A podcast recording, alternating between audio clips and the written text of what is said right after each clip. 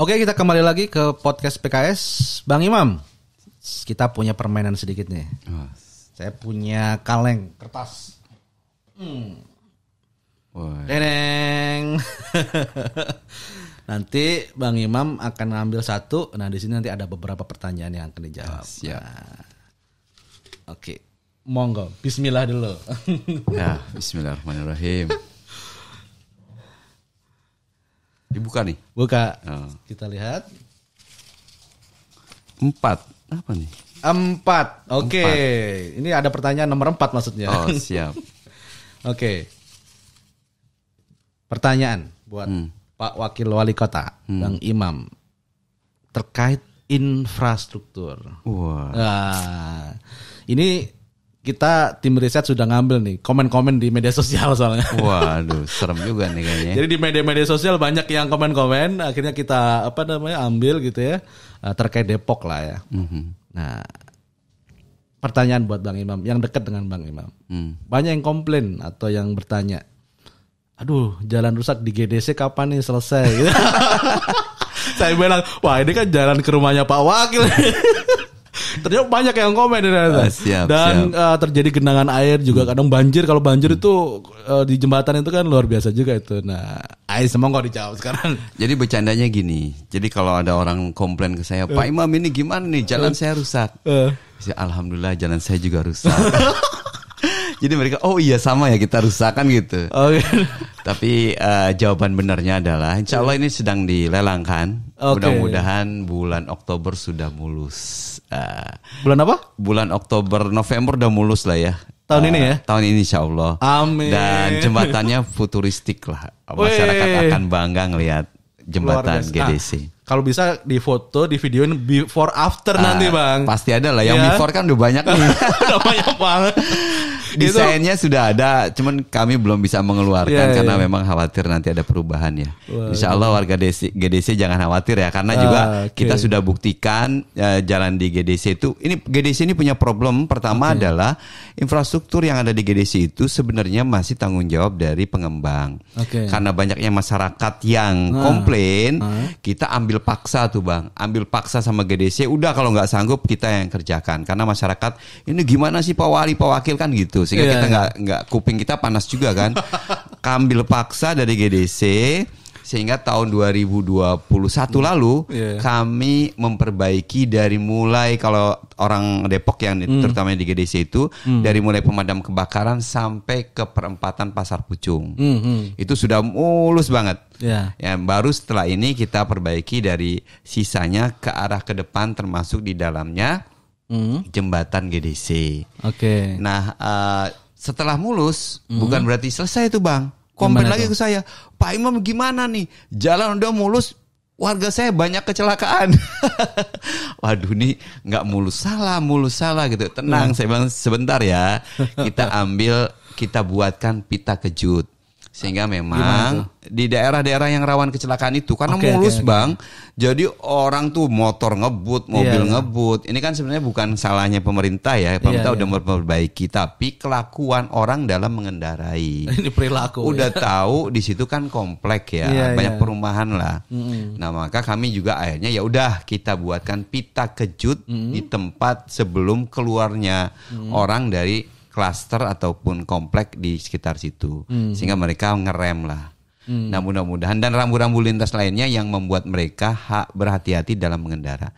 Saya juga himbau nih kepada warga Depok, tolong kalau jalannya udah mulus juga eh, dijaga ya eh, Iya, iya. untuk supaya tidak saling menghormati Sama-sama lah. merawat lah ya. Iya merawat, tidak buang sampah. Ya, ya. Terus juga jangan ngebut karena Ya, ya. banyak pengguna jalan lainnya yang juga punya hak dalam jalan tersebut. Yang jelas nanti kalau sudah bagus ya jalan GDC di foto, di video, di upload.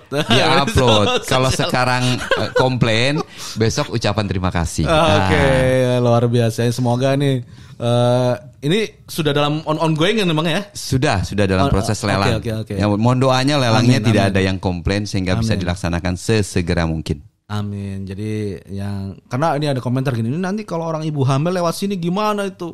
zolim itu. Ada yang bilang gitu. Siap. Sementara netizen, sementara netizen, netizen ke aduh Ya. dahsyat sekali itu. Ya sementara kami mohon maaf dulu karena Siap, lagi siap. nunggu proses lelang. Oke, sabar Nanti ya. kalau Jadi sudah Allah- selesai tolong ya komennya bagus.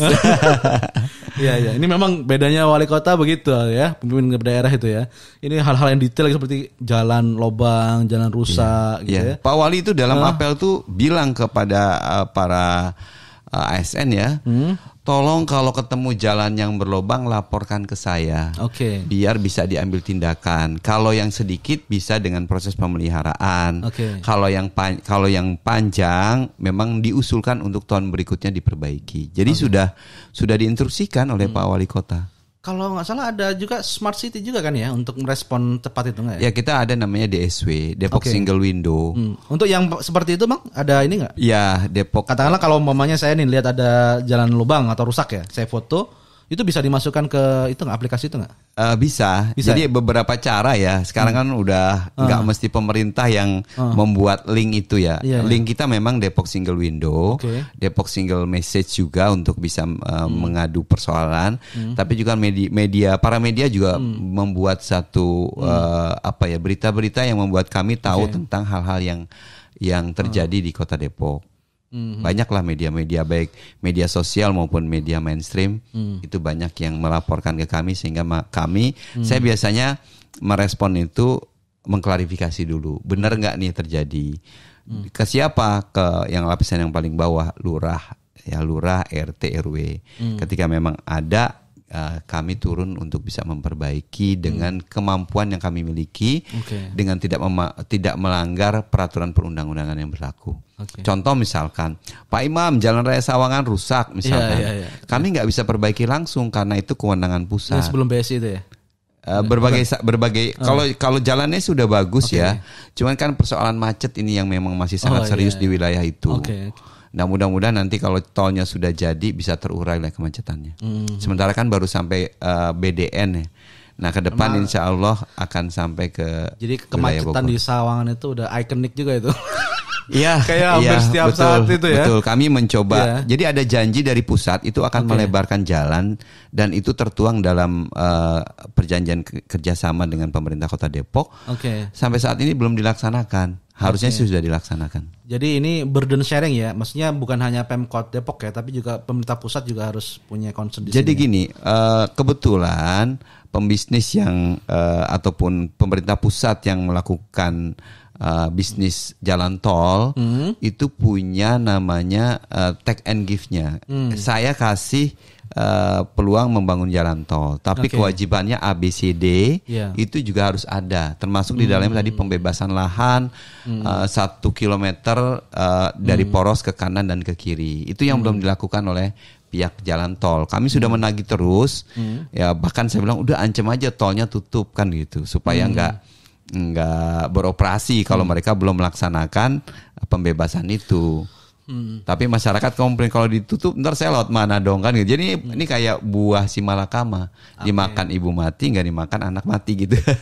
Cuma begini, Bang Imam, eh, masyarakat itu kadang-kadang nggak nggak mau tahu juga gitu kerumitan apa yang ada tuh. ya, Ya itu tugas bapak-bapak sebagai pemimpin gitu ya. ya. Walaupun sudah jelaskan ini ada kewajiban pemerintah pusat dan sebagainya. Kalau di bayangan atau planning Pemkot Depok sendiri mengurai kemacetan di Sawangan itu kapan kira-kira bisa dituntaskan atau dikurangi secara signifikan? Eh, jadi tadi eh, saya sampaikan bahwa kalau memperbaiki kondisi existing baik eh, kemulusan jalan ya maupun pelebaran jalan itu adalah kewenangan pusat. Kami nggak bisa, Nggak meng- bisa ya. mengintervensi. Tetapi yang kami intervensi adalah membuat eh, titik-titik kemacetan dari Betul, jalan tersebut ya. yang sudah menjadi kewenangan kota. Misalkan di- di mana aja di sana ada eh, tadi underpass Dewi Sartika kita buat. Oh, lagi dibangun sekarang ya? Dibangun.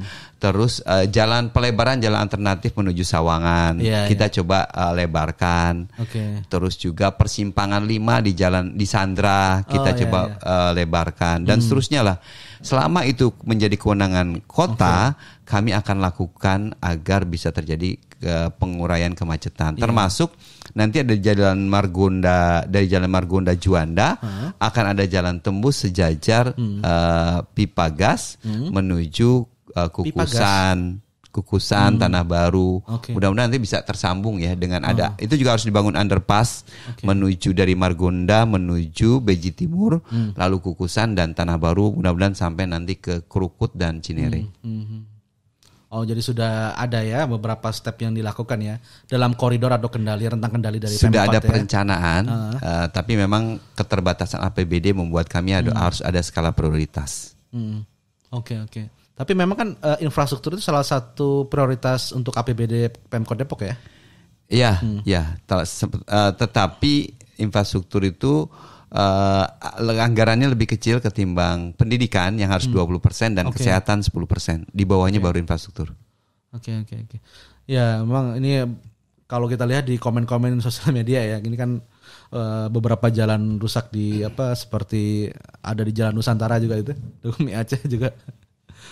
Terus apa namanya ya di apa eh, nyeberang jalan SDN Pondok Cina juga itu kadang-kadang Ya kalau kemantapan jalan Kota Depok udah di atas 95%. tapi udah rela- relatif, progresnya signifikan ya. Iya, kalau kemantapan jalan itu udah di atas 95%. Hanya sedikit saja yang rusak. Tetapi tadi a- kelengkapan jalan yang memang masih terus kita kejar. oke. Apa saja kelengkapan jalan?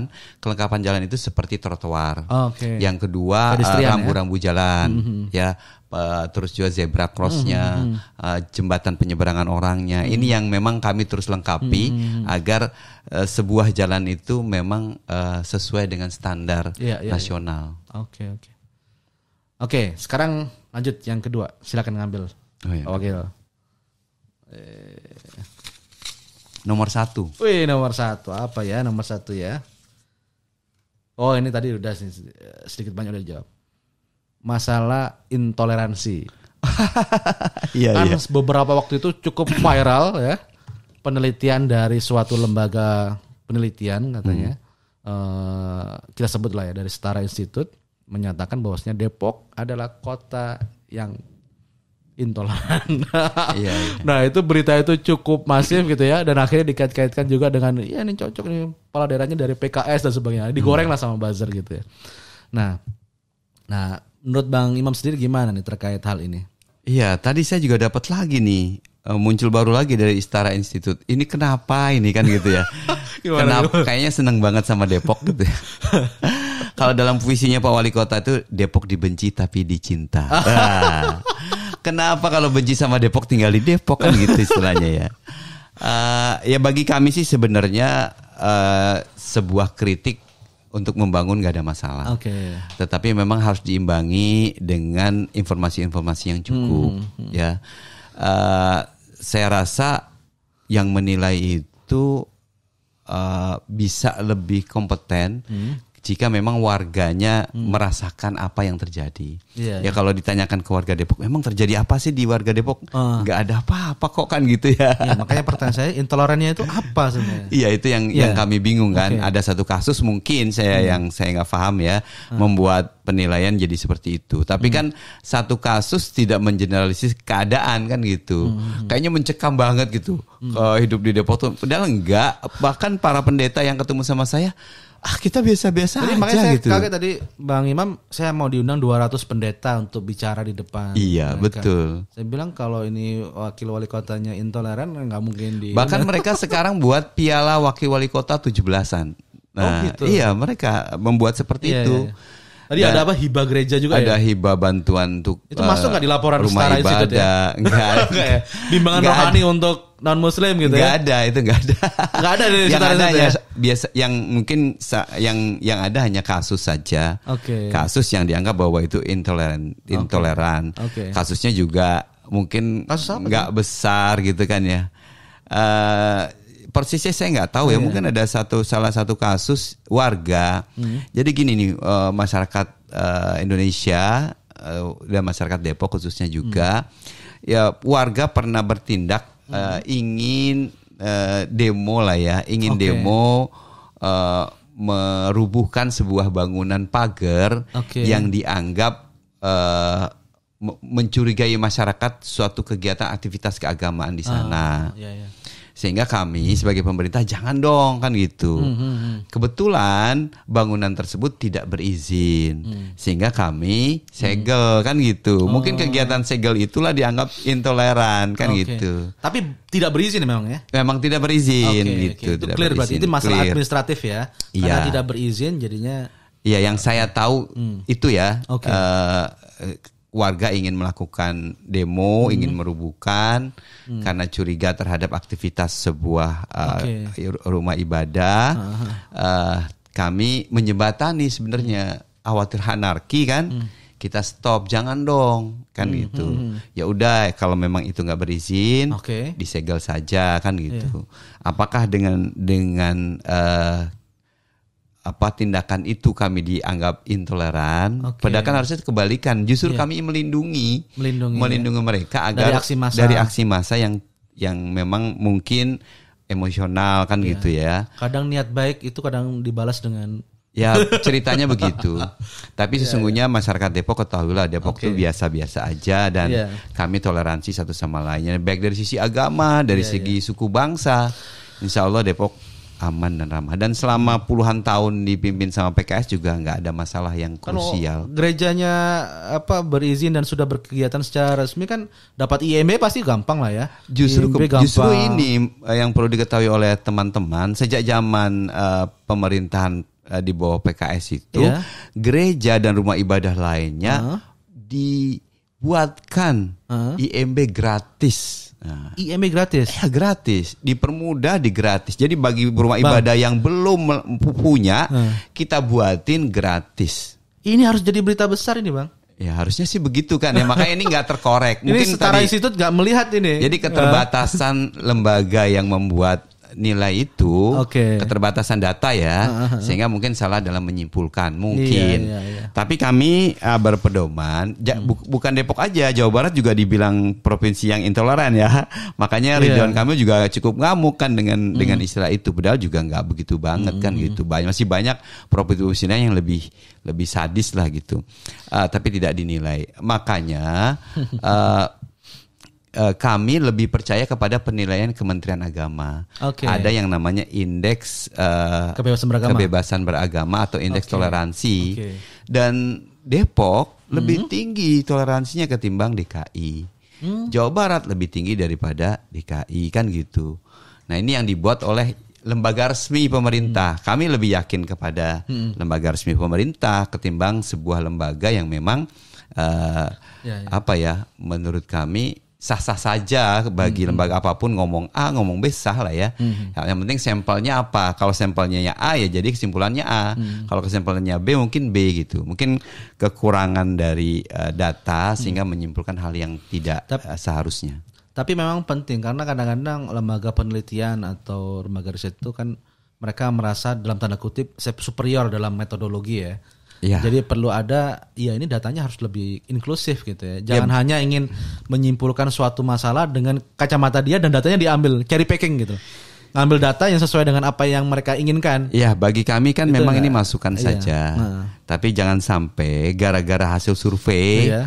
di masyarakat kami berantem kan gitu. Tadinya tenang. betul. Tadinya Awalnya nggak ada apa-apa gara-gara survei jadinya ini iya. ya. Iya, iya. Ada lagi nih berita yang yang baru masuk ke saya gara-gara satu orang Heeh. Terus dianggap Depok tambah tidak toleransi. Aduh, ini Yang mana? ada lagi nih baru lagi baru saya Aduh, buka saya tadi. nih. Makanya saya juga kaget juga.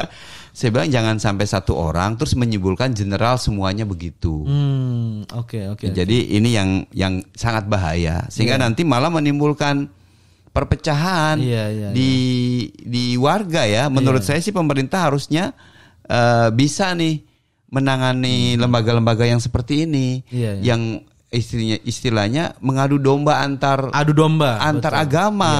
Ini agak repot ini. Padahal kepala daerah eh, Bang Imam sebagai kepala daerah nggak ada masalah. Iya, ini dengan- berita menurut saya sudah khawatir. Hmm. Ini ke depan saya mungkin ini bakalan bakalan rame lagi. Hmm. Tapi saya berharap Kementerian Agama ataupun lembaga eh, institut ini di bawah apa itu bisa dipanggil agar tidak membuat sebuah berita Hmm. yang membuat masyarakat menjadi heboh, menjadi pecah akibat eh, ini kan sebenarnya juga apa ya eh, bisa jadi mem- membuat image buruk kepada sebuah kota. Betul, betul. Ini kan uh, politics is about perception. Iya. Uh, ketika ada survei itu ke- kebijakan bimbingan rohani buat seluruh warga non muslim juga apa tokoh-tokoh non muslim itu jadi tidak dapat gitu kan Eh, terus apa IMB gratis buat gereja buat apa jadi kayak hilang aja udah. Semua kegiatan atau kebijakan Pemkot Depok jadinya aduh Kan peribahasanya gitu. udah ketutup Nilai karena setitik, viral berita itu Ya, nilai setitik menghapus susu Iya, iya. sebelanga. Tapi Betul. yang jawab bukan kami. Yang Iya, jawab betul. malah para tokoh-tokoh non muslim. Alhamdulillah. Mereka para pendeta tuh bilang ini nggak bener ini Iya, gitu iya, kan. Nanti mereka mungkin akan bicara lagi kalau Oke. memang ini terjadi lagi. Yang bicara bukan lagi kepala daerah, tapi biar masyarakat yang menilai. Iya iya iya iya. Pada faktualnya mereka akan melihat langsung ya. Realnya apa gitu. Iya. Bukan hanya persepsi atau stigma. Iya. Oke, eh, karena lima nanti bang. Ini kan dari 15 nih, ada lima nih. Ini udah udah berapa nih? Dua. Wah, tiga lagi. Silakan. Aduh. Nomor tujuh. Nomor tujuh kita lihat. Oke, nomor tujuh. Nih. Kemiskinan. Ya, siap. Ya. Jumlah penduduk miskin di Depok itu 2,58 persen. Termasuk terendah ketiga di Indonesia. Betul nggak sih? Betul. Saya dapat dari eh, detik nih. Betul. Ah, Bukan survei lembaga ya. bukan bukan. Ini BPS nih. Iya. BPS ya, bukan persepsi ya. Paten lah ya. Paten gitu. Nah, itu gimana itu? Kok bisa nih? eh karena gini bang, sering kali kita itu kalau dapat informasi tentang Depok itu yang gitu intoleran, apalagi eh, masalah apa sampah atau masalah apa infrastruktur gitu Macet, kan, ya. macet gitu. Ini kemudian tiba-tiba dapat berita nih eh, di media nasional, Depok adalah eh, kemiskinannya termasuk yang terendah di Indonesia hanya 2,58 persen, jauh di bawah rata-rata nasional gitu. Ini gimana ceritanya ini? Bisa cerita nggak? Ya memang standar ukuran kemiskinan itu kan memang Hmm. ma- masing-masing lembaga punya standar ya. Kalau BPS kami yakin lah punya standar yang Hmm. clear ya, karena memang udah teruji dari puluhan tahun bukan eh, sejak Indonesia merdeka kali ya mereka udah membuat standarisasi Hmm. itu dan ya memang eh, dari sisi hasil kami juga apa surprise lah ya bagi kota Depok. Eh, yang dinilai seperti itu dan bersyukur lah ya bahwa eh, warga Depok tingkat kemiskinannya rendah. Walaupun ada pro kontra di dalam eh, pem- di dalam warga Depok. Oke. pernah ada juga dari lembaga saya lupa lembaganya apa Depok termasuk kemiskinan ekstrim Oke. jadi ada dua ada dua kubu nih Oke. ada terendah ada ekstrim kenapa ekstrim ekstrim ini dulu waktu covid Heeh. itu semua warga pengen dapat bantuan ingat kan ya iya, iya, sehingga RT RW memasukkan seluruh warganya mendapatkan bantuan Oke. Padahal yang mendapat bantuan harusnya yang warga miskin saja. Sehingga ada sekitar 900 ribuan orang yang terdata. Sehingga dianggap kemiskinan ekstrim. Dan ini terus kami perbaiki sistem uh, penginputan untuk uh, warga miskin. Dan kami sekarang punya aplikasi. Namanya uh, apa namanya ya? Dat, uh, DTKS. apa? Bukan, DTKS mah sistem pemerintahan ya. Ah, oke. Data terpadu uh, kemis- kesejahteraan sosial. Itu dari pemerintah. Iya, itu iya. data DTKS yang 900 ribuan. Oke. Dan sekarang sudah berubah menjadi 250-an dan kalau data kemiskinan. Jadi kalau dari 2,2 juta jiwa orang Depok, dua setengah persennya itu sekitar 40 ribu warga miskin kota Depok kan gitu dua setengah persen ya kalau 25 persen kan 400 ribu berarti ya jadi eh du 40 ribu warga Depok yang dianggap miskin ini eh kami mempunyai program untuk Apa itu? mereka yang tadi yang saya sampaikan kartu Depok Sejahtera Oh KDS ya. KDS Itu karena integrasi semua program terintegrasi itu ya? karena selama ini bahwa program tentang kemiskinan tidak terkelola secara baik. Misalkan orang ban- dapat bantuan eh, rumah tidak layak huni. Oke. Nah, itu tidak ada standarnya yang disebut miskin seperti apa. Kami sekarang punya empat indikator kemiskinan. 14. 14. 14 indikator kemiskinan. Jadi ya. kalau seseorang sudah masuk ke dalam grade tertentu, maka dia bisa dikatakan miskin. Ini yang akan dan dan tahun 2022 ini kami sedang memverifikasi faktual dari data kemiskinan kota agar kami mendapatkan data yang uh, yang pas gitu ya, yang aktual sebenarnya berapa sih kemiskinannya.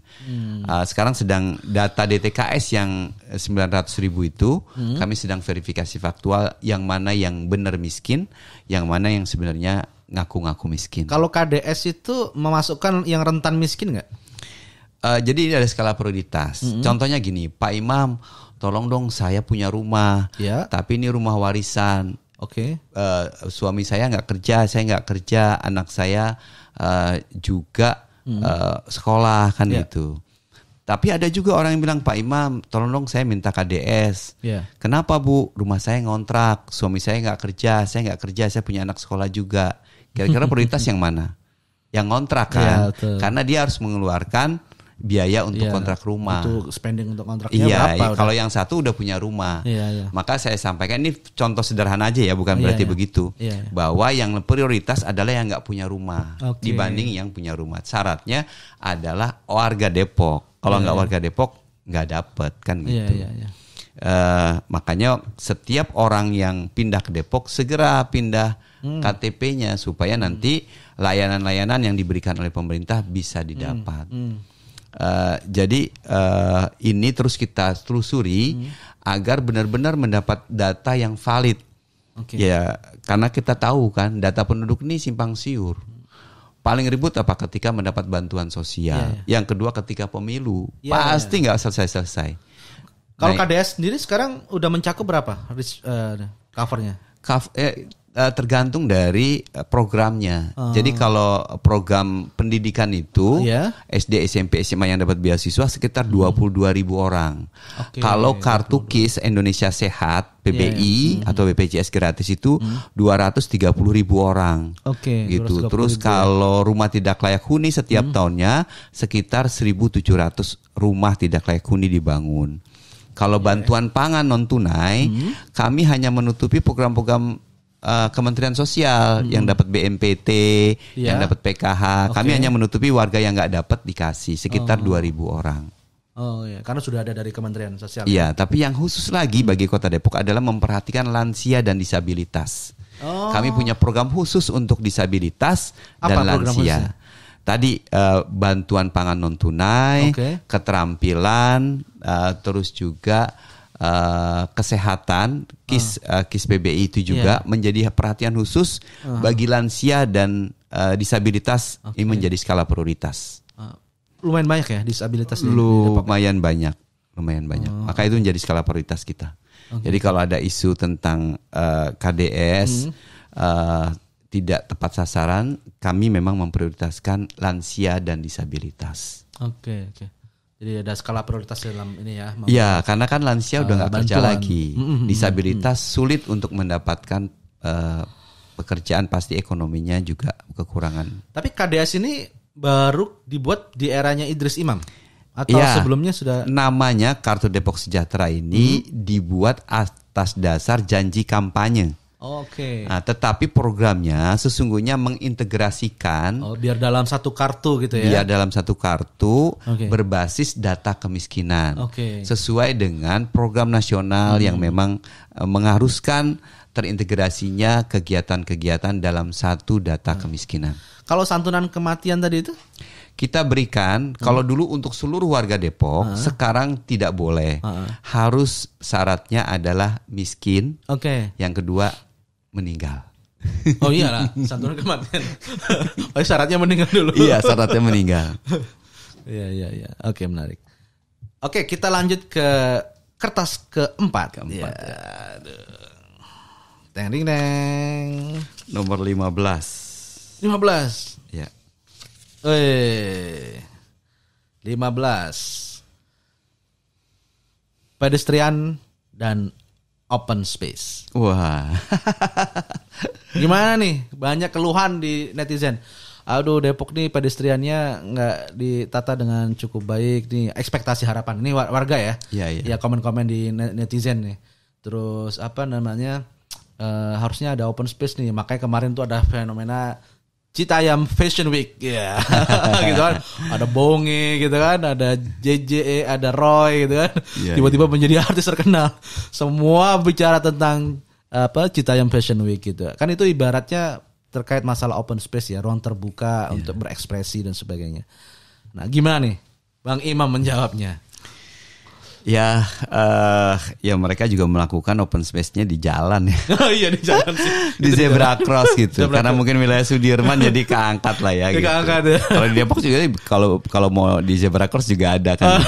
Tapi mungkin lebih lebih bagus Sudirman. oke ya Misalkan begitu ya. Oke. Tapi insya Allah ke depan nih warga Depok nih kita sedang merancang open Wah. space. Kita sudah sudah punya beberapa open space ya, kayak alun-alun Depok, Oke. eh, Taman Lembah Gurame, beberapa taman di setiap kelurahan juga ada taman gitu. Eh, mungkin belum diviralkan gitu ya. alun-alun Depok kan keren tuh ya Nggak keren sih, keren banget. keren banget cuma jarang datang ke sana orang-orang Eh, ya Banyak, Ba- itu setiap Banyak ya? minggunya itu hampir 12 sampai 15 ribu orang datang ke sana. oh, oke Itu. Nah, insya Allah ke depan kita akan bangun di Margonda ya.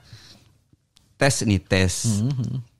Tes akan bangun Depok Open Space Eh, di mana itu bang di depan pemerintah Kota Depok. Di depan Pemda Depok kita akan buat Depok Open Space. Ya, Eh, Mudah-mudahan eh, bisa didukung sama semua pihak.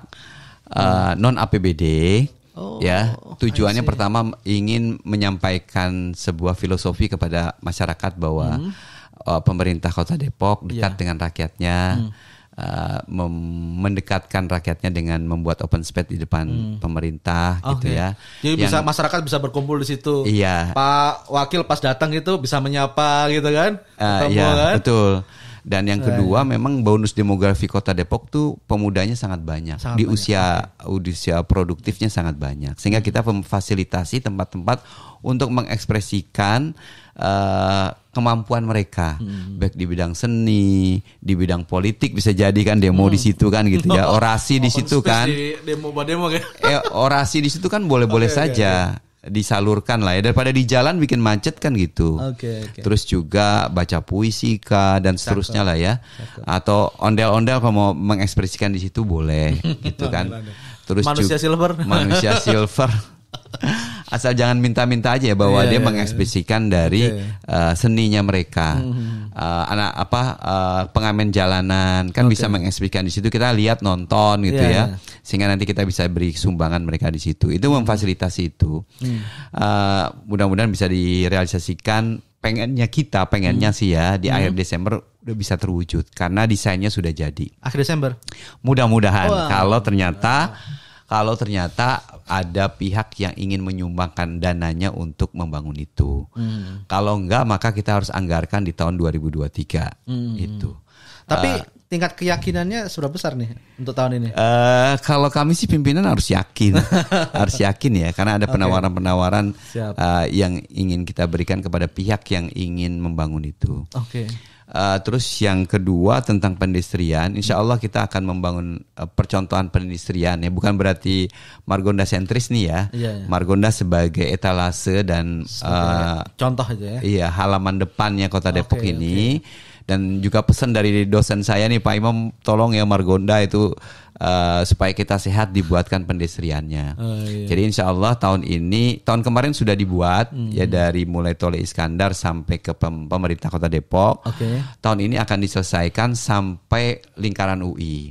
Ya, jadi insya Allah lebarnya 4 dari meter dari mana ke mana dari eh, Juanda sampai ke eh, lingkaran UI. nanti kita punya pedestrian yang cakep Eh, gitu ya sisian 4 meter memang masih lebarnya 4 meter mudah-mudahan bisa Oh. untuk berjalan kaki Uh-huh. dengan nyala- dengan lebarnya pedestrian ini orang Hmm. suka jalan kaki sehingga eh, perekonomian di sekitar sana hidup kan ini Hmm. kalau yang jual-jualan yang jual-jualan makanya Hmm. saya berharap eh, nanti ada kesadaran masyarakat untuk tidak menggunakan arena publik uh, dalam ini pendestrian untuk dagang di sana, untuk parkir motor di sana, untuk jualan mobil di sana.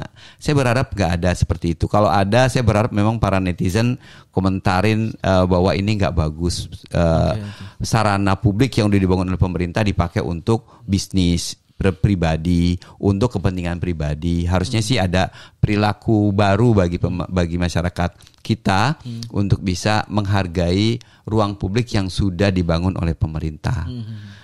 Uh, kultur ini yang yang mau kita bangun juga. Selain infrastruktur kita bangun, hmm. kultur mau kita bangun karena di situ ada visi budaya ya. Budaya hmm. kita kan memang saling menghormati, hmm. gotong royong gitu ya tidak menggunakan sarana publik untuk kepentingan pribadi. Hmm. Nah ini harapannya bisa terjadi seperti itu. Wah, jadi nanti punya tempat untuk jalan, kemudian punya open space, wah cakep nih. Insya Allah doanya uh, bang. Amin amin. Jadi kita tunggu nanti akhir tahun ini atau awal tahun lah ya. Hmm, insya Allah. Insya Allah ya. Insya Allah. Oke. Okay. Oke. Okay. Terakhir, kertas terakhir. terakhir. Apakah itu? Nomor 11. Nomor 11. Oke. Nah, ini masalah keluarga. Waduh. Nah, ketahanan keluarga. Nah, ini kalau ini saya baca-baca di berita nih. Hmm. Katanya tingkat perceraian di Depok lumayan tinggi. Hmm. Terus mohon maaf nih. Gay juga hmm. komunitasnya juga lumayan hmm. banyak hmm. gitu ya kekerasan uh, seksual ke anak dan mm -hmm. sebagainya itu ada fenomena-fenomena tentang sosial masyarakat kita yeah, itu yeah. bang. Nah ini kan bangun kota ini bukan hanya bangun jalan kan ya? Yeah. Uh, bukan hanya bangun apa namanya gedung atau mm. tadi open space gitu ya, tapi juga bagaimana keluarga ada mm. keluarga-keluarga di Depok ini juga harmoni punya ketahanan. Mm. Kita punya sekarang situasi di mana ya LGBT menjadi sebuah dalam tanda kutip ancaman juga itu hmm. untuk ketahanan keluarga kita gitu dan hmm. sebagainya. Gimana Bang Imam melihatnya? Iya, jadi uh, terkait dengan masalah perceraian ya. Hmm. Dan juga visi Kota Depok yang visi kami Idris Imam itu hmm. visi maju berbudaya sejahtera. Hmm. Uh, maju itu melambangkan pembangunan infrastruktur memang. Okay. Kalau maju uh, berbudaya itulah uh, melambangkan pembangunan manusianya. Hmm. Jadi uh, buat apa membangun infrastruktur yeah. Ya. uh, kalau manusianya nggak dibangun? Hmm. Maka itu filosofinya itu. Kalau yeah. infrastrukturnya maju, uh, manusianya maju, maka hmm. akan menghasilkan sejahtera. Nah hmm. itu filosofinya. Okay. Yang kedua, memang kami punya uh, ini ya punya keinginan bahwa Depok menjadi kota yang ramah keluarga segala sesuatu kami bangun dari keluarga. Hmm. Program-program terkait dengan masalah uh, ketahanan keluarga juga kami buat. Bahkan hmm. perda ketahanan keluarga Depok punya. Perda ketahanan, ketahanan keluarga. keluarga. Itu apa yang diatur di situ? Iya di situ bagaimana fungsi keluarga dalam membangun hmm. uh, membangun keluarga ya hmm. untuk uh, menjadi basis pembangunan di Kota Depok. Okay. Jadi segala sesuatunya berawal dari keluarga. Hmm. Uh, ini yang akan kita terus kerjakan. Jadi yeah. banyak yang bilang katanya ramah keluarga, kok ada kekerasan seksual gitu ya. Yeah.